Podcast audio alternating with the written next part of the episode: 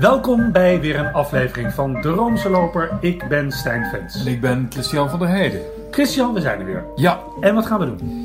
wij gaan een korte bespreking houden van een, een nieuwe film, Mary Magdalene. Ja? We moeten het natuurlijk toch even hebben over het communicatiedebakel in het Vaticaan. Zeker. En we staan natuurlijk aan de vooravond van de Goede Week. Ja. Pasen komt eraan.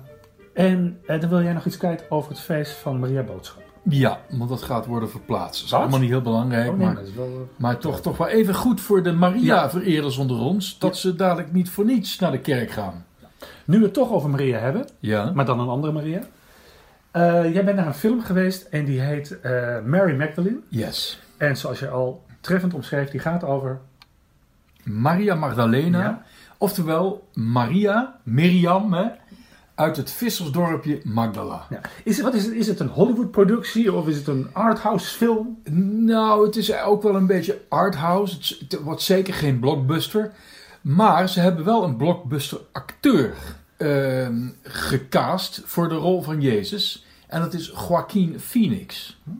En waar kennen we Joaquin Phoenix van? We kennen hem natuurlijk als keizer Commodus uit eh The Gladiator. Ja, ja, ja, geweldig. Maar we kennen hem ook in de rol van Johnny Cash. Walk the Line. Walk the Line. Ja. Fantastische film. Daar zingt hij trouwens ook een paar nummers echt. Die Joaquin Phoenix. Ik vind dat een briljant acteur.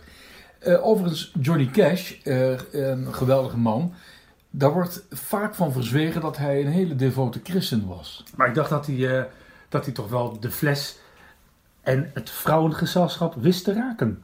Jawel, maar dat wil niet zeggen dat je dan niet eh, ontzettend eh, hard in onze lieve Heer kan geloven. Nee. Hij besefte namelijk dat hij genade nodig had. In ieder geval, eh, hij had ehm, ook heel veel met Maria Magdalena. En we gaan nu een klein stukje horen van zijn album. Ook naar aanleiding van een film die hij met zijn vrouw June Carter heeft gemaakt. The Gospel Road. Ja, we hebben het over Johnny Cash, hè? Johnny Cash. Ja. And Mary Magdalene came each morning, and on the third morning, when Mary came, Mary, why do you weep? They, they have taken away my Lord, and I know not where they have laid him. Goed, Johnny Cash. We gaan even terug naar eh, de film waarin eh Joaquin Phoenix Jezus speelt. Het gaat eigenlijk helemaal niet over Jezus, het gaat over een apostel. En eh, volgens de kanonieke evangeliën hoorde de vrouw Maria Magdalena daar niet bij, want het waren de twaalf ap- apostelen. En dan liepen er nog enkele vrouwen erbij om de, die heren te voorzien van allerlei materiële behoeften en zo. Maar in deze film is ze volwaardig apostel. Ze doopt zelfs. Hè, dat doopsel in navolging van Johannes de Doper. En eh, eigenlijk worden de apostelen een beetje afgeschilderd als een stelletje sukkels. die helemaal niets hebben begrepen waar de genezer Jezus voor staat. Nou heb ik altijd begrepen, of tenminste dat, dat verhaal gaat dan, hè, dat Maria Magdalena in de geschiedenis eigenlijk onrecht is aangedaan. Er is een soort prostituee van gemaakt, terwijl ze dat misschien helemaal niet was. Nee, zij is eigenlijk een, een, eh, een combinatie van verschillende bijbelse figuren. Zo zou ze ook de zus van Lazarus zijn geweest. Zo zou ze tegelijkertijd ook de boetvaardige zondares zijn geweest, waar weer een prostituee van is gemaakt. Zo zou ze die, die, die, die vrouw zijn geweest die hele dure nardesolie over Jezus hoofd eh uitgoot. Eh, ze was van alles eigenlijk behalve de vrouw die, die, haar, die, die, die Christus ten diepste heeft begrepen. En die ook eh, als eerste ehm, wist dat Christus was verrezen. Dat nieuws bracht zij aan de apostelen en zo kreeg zij al in de middeleeuwen van zelfs Thomas van Aquino, grote katholieke kerkleraar, de titel Apostola Apostolorum, de apostel van de apostelen. Maar is het nou zo dat deze film dan ja, een soort van rehabilitatie is van Maria Magdalena? Ja, maar het, maar het is ook een aanklacht eigenlijk tegen de mannenkerk. De hiërarchie met, met al haar sacramenten en dogma's. Het is, je zou kunnen zeggen, een neognostisch evangelie. Leg dat even uit. Nou ja, over de gnostiek, een, een oude ketterij die al in bijbelse tijden eh, behoorlijk door de orthodoxie wordt bestreden.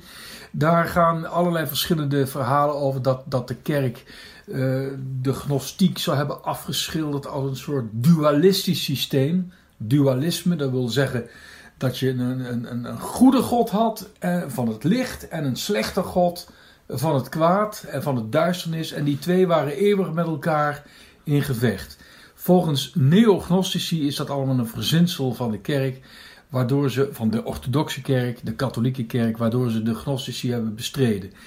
De, de hedendaagse gnostici die zijn veel meer voor Jezus als een spirituele leraar, die je kan helpen om tot een, tot een verlichting te komen. Dus in deze film, hè, we gaan even terug naar die film. Ja. eh, wordt, is Jezus eh, niks eh, verlosser voor onze zonde gestorven aan het kruis? Dat, wordt allemaal, komt Nee. allemaal niet voor. Nee, het, nee dus, maar het is wel iemand die alles op zijn kop zet. Hè? Dus, dus het gaat om een geestelijk koninkrijk. Nou ja, dat vindt de orthodoxie natuurlijk ook. Maar het is een kwestie van om, om, om je in jezelf het goddelijke te vinden. Ja. Nou, en, en je kunt veel zeggen van, eh, van ons mensen, maar we zijn niet goddelijk. We hebben wel iets, iets, iets van een. eh, we zijn wel door het goddelijke aangeraakt. Maar de gnostici die hebben het over het goddelijke van de mens. En, en Jezus zou dat als het ware door de oproep om radicaal daar, daarin te geloven. eh, hij zou dan oproepen om dat goddelijke als het ware tot activiteit te brengen. Maar als ik jou nou goed beluister, dan zeg jij eigenlijk dat het een anti-katholieke film is. Ik zou dat wel willen beweren, ja. Ja, vooral ook omdat ehm, eh, hoe de mannelijke apostelen worden afgeschilderd. Hè, Petrus, overigens gespeeld door een, eh, door een zwarte man. Dus je zou kunnen zeggen, we hebben het altijd over wanneer komt er nou eindelijk eens een keer een zwarte paus. Nou, dat is eigenlijk wel grappig. Is er al geweest. Ja, dus de, de, Ja. de, zeg maar, Hoewel de, Petrus geen paus was. hè? Nee, nee, want de, paus is volgens een goede definitie is de opvolger van Petrus. Ja, maar die, dat, nou goed. Dat is iets heel anders. Ja. Maar goed. Maar, maar Nou, dus, zwarte dus, dus die apostelen die, die begrijpen er niks van. En natuurlijk in de gewone kanonieke evangelie begrijpen ze het ook niet. Alleen ehm, als Jezus e- eenmaal is ehm, eh, eh, verschenen aan Maria Magdalena, dan zie je dat er een soort vijandschap ontstaat tussen de apostelen en Maria Magdalena.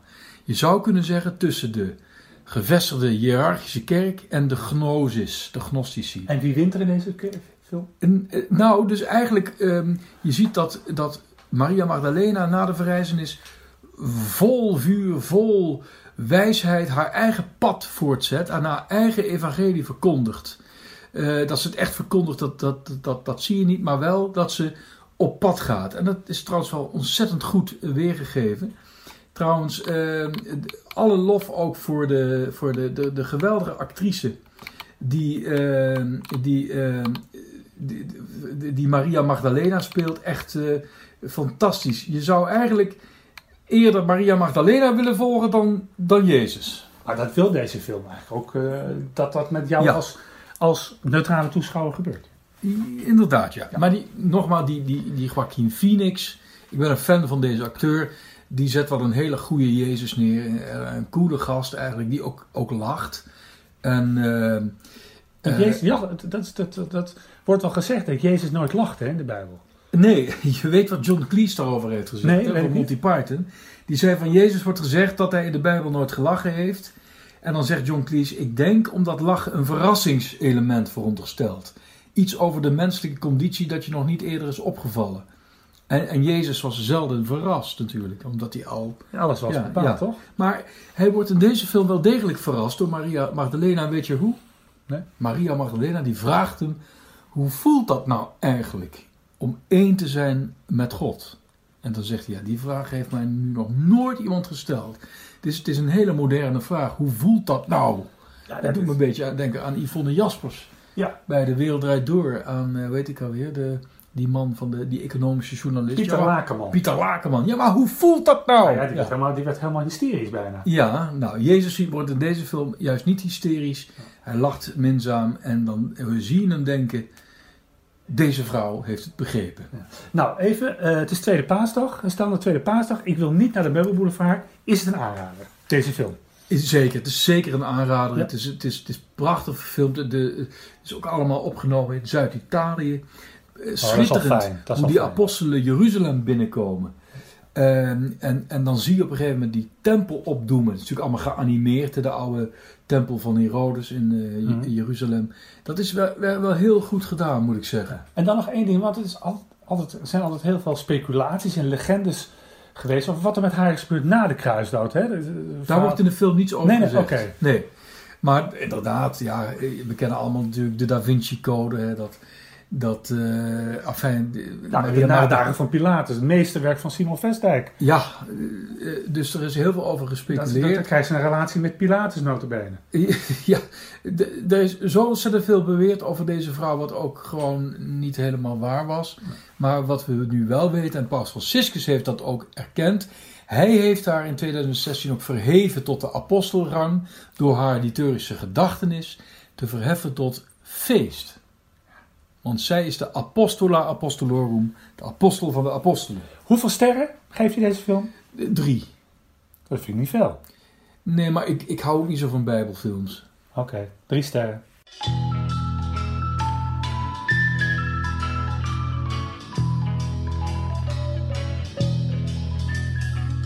Try not to get worried, try not to turn on to problems that upset. Don't you know everything's alright? Yes, everything's fine. And we want you to sleep well tonight. Let the world turn without you tonight. If we try, we'll get by, so forget all about us tonight. Sleep and I shall soothe you, calm you Ja, u hoorde hier Yvonne Elliman in haar rol als Maria Magdalena in de musical, of de film eigenlijk, Jesus Christ Superstar. Ja, en toen ik naar deze studio toereed, zag ik eh, allerlei aanplakbiljet hangen. Want wat wordt het geval volgende week? eh, dan, eh, volgende week? Ja, volgende week. Ja, Dan is het de Goede Week. de goede week. En op, dan wordt hier in AFAS Live, dat is daar bij de Arena, eh, is, wordt daar weer Jesus Christ Superstar opgevoerd, de musical. Ja, Met nog altijd dezelfde Christus in de hoofdrol. ja Ted Neely. Ja, Ja, maar, dus dat, maar, en ook op Witte Donderdag. En tegelijkertijd vindt dan, nou maar zeggen, een kilometer verderop, ik weet niet hoe, de afstanden er zijn, vindt de Passion plaats. Dus, dus eh, als je geluk hebt, kun je daar op, op één avond Christus twee keer tegen het lijf lopen. En dat doet mij een beetje denken aan het openbaar, openbaar vervoerbedrijf van de gemeente Amsterdam. ja. Die staat een half uur op tramlijn 10 te wachten. Komen, komen er twee tegelijk. ja dat, dat is, eh, Nou ja, beter is- mee verlegen dan onverlegen. zo, is dat ja. Wat Maar- vind jij trouwens, eh, Stijn, van The Passion? Ik heb daar wat gemengde gevoelens bij. Ehm, eh, ik vind het tv-matig is het altijd prachtig om naar te kijken. Ja, En wat ik ook hoor van mensen is dat het... Dat, eh, ja, zo, nou, ik zie, mijn kinderen kijken altijd mee. En die Ja. hebben toch zo wat meegekregen van dat paasverhaal. Hè, Ja. Van het lijdensverhaal van Christus. Waar de twintig kinderbijbels er niet tegenop kunnen. ja. Maar als ik zelf, mijn eigen, eigen persoonlijke beleving. ja, ik heb altijd een beetje moeite als het oeuvre van Marco Borsato zo in dat lijdensverhaal wordt geperst. ja. Aan de andere kant ehm, ben ik de evangelie weer meer gaan waarderen naarmate Bluff daarmee gezongen wordt. ja. Maar nou is Bluff is zo vaag, die teksten. Dan kan je eigenlijk alles, dan kan je, kan- je kan eigenlijk Christus, alle liedjes van Bluff, in de mond leggen zonder dat het godslastelijk is.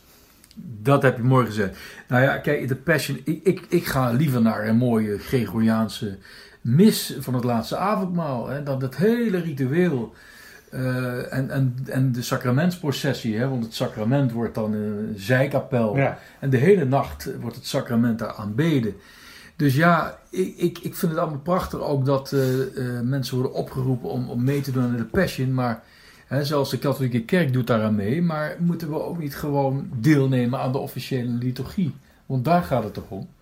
Ja, maar de- dat zijn er maar weinig mensen die daar de behoefte toe voelen. Ja, maar dat is En toch op deze manier, dat vind ik uiteindelijk wel, krijgen ook mensen, want ik word- kijk geloof ik 3 miljoen mensen naar of zo, naar die Ja. passion. Ook mensen die echt van God nog gebod weten, krijgen toch iets mee van dat verhaal. Dat, dat is waar. Ja. Dat, eh, nee, goed. Dus, dus, eh, Dus uiteindelijk, wij, zijn ook, wij zijn streng, maar de mildheid moet ons toch Ja. ook ertoe brengen om te zeggen, eh, dat de Passion door ons hierbij wordt goedgekeurd. Ja, nee, je ziet ook trouwens in Zuid-Europese landen, trouwens ook in Zuid-Amerika, dat ehm, de Goede Week, hè, Semana Santa, Ja. dat dat echt iets is voor het volk buiten de liturgie. Ja. Dus al die processies met die, die, die mannen met die puntmutsen op, met, met die flagellanten. Hè, dat zijn, je ziet dat ook in Napels, mensen die zich bont en blauw slaan. Eh, de Filipijnen met al die gekkigheid dat mensen zich laten kruiseren. Dat zijn allemaal aliturgische, niet-kerkelijke bijeenkomsten in de Goede Week. De Passion is dan, laten we zeggen, onze Nederlandse variant daarop.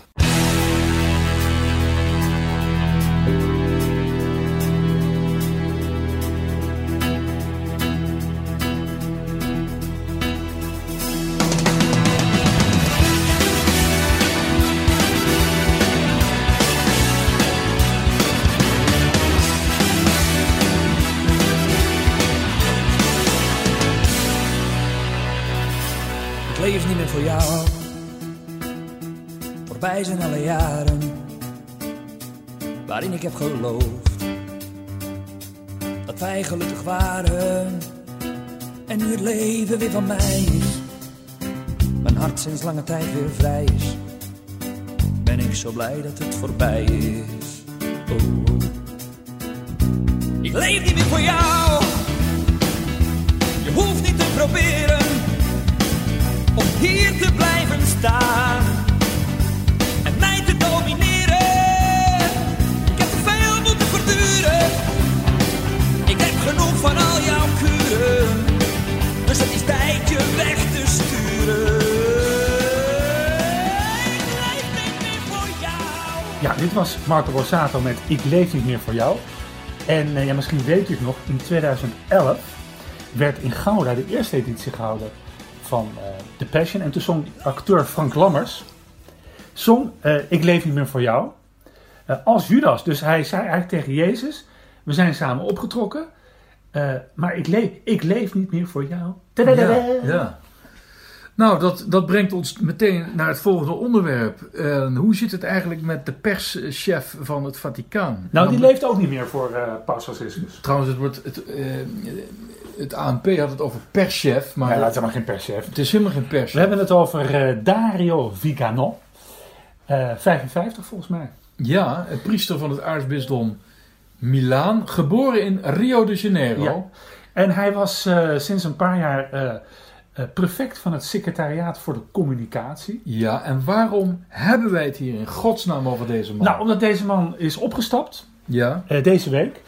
Nadat hij, eh, ja, of moet je zeggen, zijn dicasterie, eh, zijn secretariaat, er enorme puin op had gemaakt van een brief die emeritus paus Benedictus XVI aan diezelfde Vigano had geschreven in het kader van een elfdelig eh, serie boeken over de, ja, de theologische merites van de huidige paus Franciscus. Nou, dat is allemaal prachtig gepresenteerd in Rome tijdens een persconferentie. Toen heeft Vigano het een en ander gezegd. Toen weet later eh, dat, dat er een foto is vrijgegeven van die brief. Het is natuurlijk heel bijzonder dat paus Benedictus, hè, dat allemaal rond die vijf, dat vijfjarig jubileum, iets zegt als emeritus paus over zijn opvolger. ja.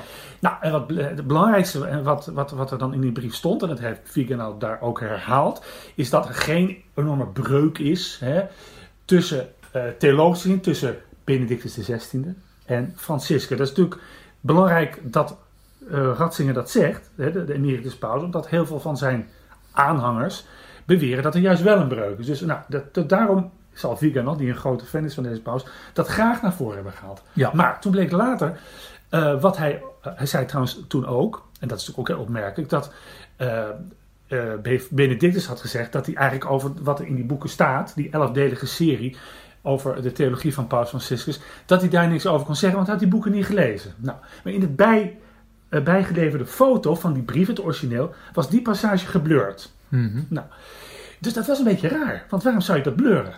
Hè, dus, dus hoe zeg je dat?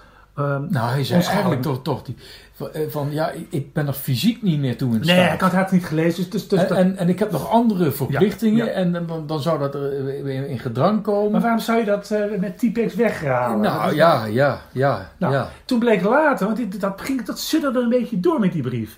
En toen bleek later ook eens dat diezelfde eh, Viganot tijdens die persconferentie, maar ook in, de, in het gedeelte van de brief dat is vrijgegeven, een hele passage had weggelaten waarin Benedictus zich eh, beklaagt over het feit dat een Duitse theoloog, Peter Huneman, ook deel uitmaakt van dat elfdelige eh, boekenproject. Nou, en die man zegt, die maakte al jaren, ik, zeg, ik, ik, zeg het even wat, wat vrijer dan Benedictus. Die man heeft al jaren een, een, een, zaak van gemaakt om eh, alles wat ik en andere pauze deed. Ja. eh, belachelijk te maken. Of veel kritiek. Anti-papist volgens mij, eh, zegt hij zelf. Nou, dat, die passage was dus helemaal weggelaten. ja. Nou ja, en dan... gefotoshopt, hè, geblurred. Nou ja, en ook en, Vigano heeft daar nooit iets over gezegd. Nee, nou, nee, nee. nou, dat, en dat ligt natuurlijk extreem gevoelig in het Vaticaan, waar dus nog altijd wel dat, hè, althans voor de- dat kamp bestaat van de Ratzingerianen en Franciscus. En wat doet nou dat Franciscus-kamp, om het zo maar te zeggen, en daar hoort Vigano bij, die wil eigenlijk aan de wereld duidelijk maken, er is helemaal niet, niet zo'n groot verschil, ook theologisch gezien niet, tussen Franciscus en Benedictus. ja. En dat wil het Benedictuskamp juist wel duidelijk maken. Maar die zeggen eigenlijk, ja, eh, de huidige paus eh, zorgt voor Ja. verdeeldheid, is vaag, schept verwarring. Dus het is uitermate gevoelig en heel dom. Ja, maar je zou ook kunnen zeggen dat Vigano, de ex-paus, want ik noem hem gewoon ex-paus, Ja. tegen zichzelf eh, heeft willen beschermen. Hè, het ga, waarom gaat het ons eigenlijk allemaal aan? Hè? Dus, maar dan zeggen anderen weer, ja, maar als jij als Vaticaan de mond vol hebt over integere journalistiek en over waarheid en zo, en dan ga je dat een beetje wegblurren, dat, dat, dat, dat staat haaks met transparantie en, op, Ja. eh, transparantie en openheid. Maar tegelijkertijd, wat het ook duidelijk maakt, is dat de katholieke kerk, of laten we zeggen dat, dat, dat wereldje in Rome, dat Vaticaan, hè, al die mensen die er omheen cirkelen, eigenlijk niet goed raad weten met, met een emerituspaus. Wat is nou eigenlijk de status Ja. van ehm, wat Ratzinger nog zegt. Hij zegt heel af en toe wat nog wat. Hè? En Ja. hij heeft dat nog eh, in 2016 dat interview, het laatste interviewboek met Peter Zeewald uitgegeven, waarin hij wat gezegd heeft. Wat is nu eigenlijk de status? Dat is natuurlijk voor het eerst, nou ik geloof in 600, in 600 jaar, dat er een emeritus paus is. En je ziet dat ze eigenlijk niet goed weten wat ze daarmee aan moeten. Nee, daarom vind ik ook de hele term emeritus paus ook, ook een beetje eh, verkeerd. Je kunt wel het hebben over een emeritus bisschop. Maar emeritus paus, er zijn nog te veel mensen die denken nu dat er twee pausen zijn. Nou ja, de, de? Maar, de- maar de- daarom heb ik het over een ex-paus. Hij is geen paus meer. Ook al is hij nog wel steeds gekleed als een paus. Wat volgens mij ook helemaal verkeerd is.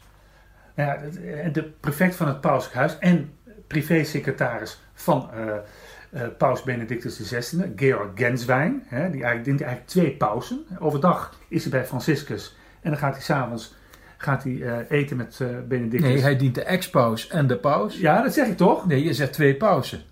Oh ja. Ja, Nou, eigenlijk ja zie je? Nu doe jij Ja, het nu doe ik het ook Ja, weer. ja, ja. Nou ja, dat is verwarrend. Daarnaast heb- schrijven Italiaanse kranten dat het ontslag van Vigano niet alleen met deze gevoeligheid te maken heeft. En eh, niet alleen met die blunder, want dat is het toch wel, met die brief. Dat, dat heeft hij gewoon, dat heeft dat departement, en daar is hij verantwoordelijk voor, niet goed gedaan.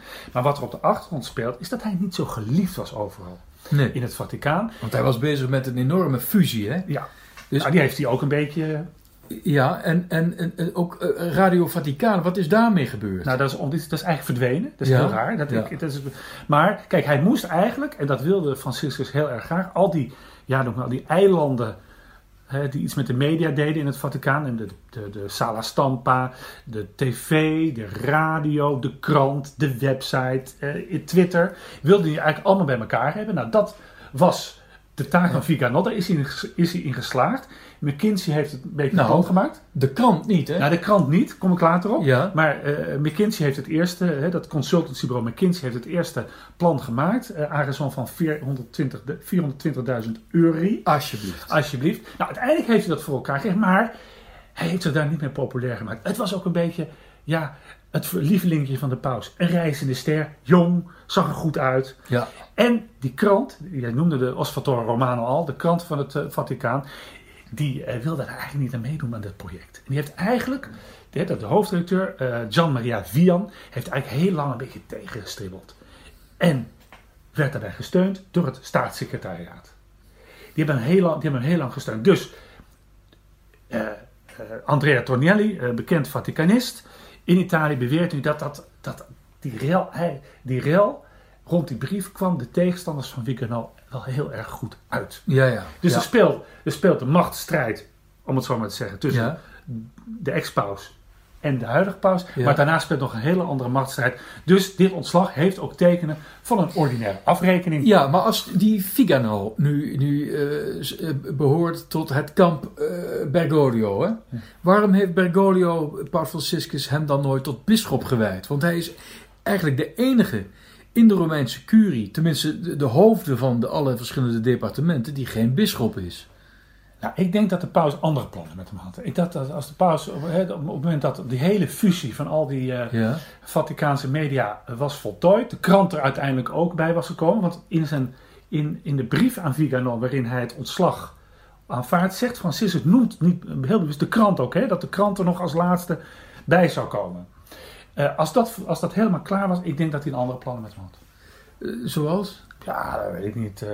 Ja, maar dan had je Misschien mag je dan naar, Ja. het, eh, naar de congregatie voor Ja. de liturgie.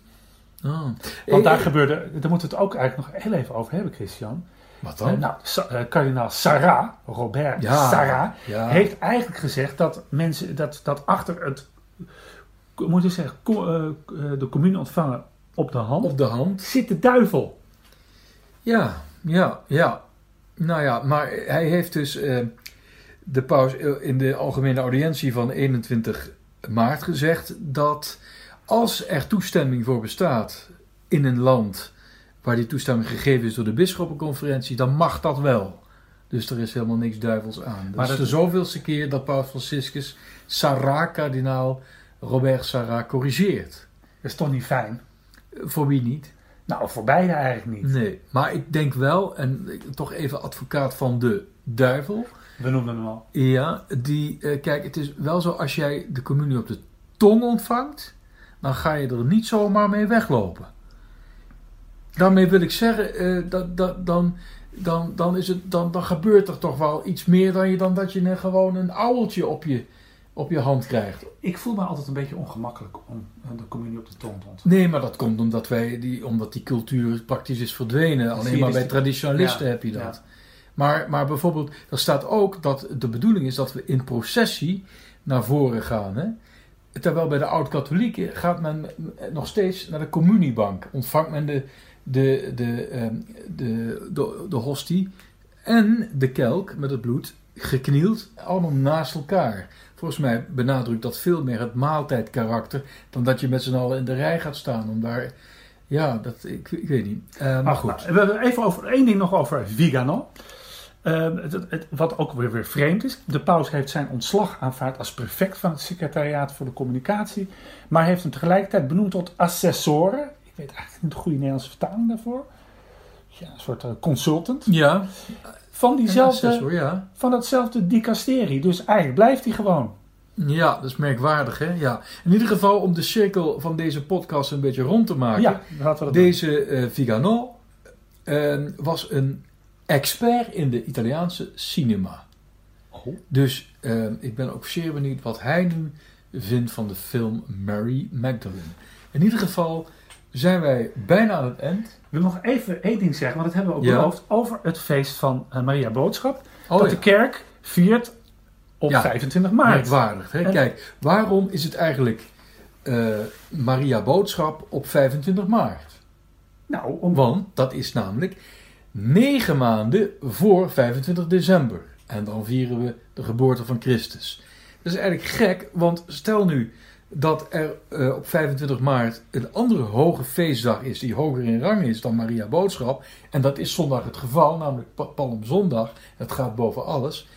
Wat dan? Dan, dan zou je eigenlijk, eh, als je een beetje flauw wil zijn, ook kerstmis moeten opschrijven. In ieder geval maandag 9 april, de eerste maandag na het paasoctaaf, is het dus nu Maria Boodschap en officieel bekend als de aankondiging des Heren. Die wordt gewoon, Dus er wordt gewoon die wordt gewoon ruim twee weken opgeschoven. Ja, dus, ja, dus, dus de dracht, de, het, het drachttijd van, de, van, van Maria's vrucht Ja. wordt dus ook verkort. Liturgisch gezien. Wat is het toch een fijn geloof. En het kost bijna niks. Tot de volgende keer. Dag.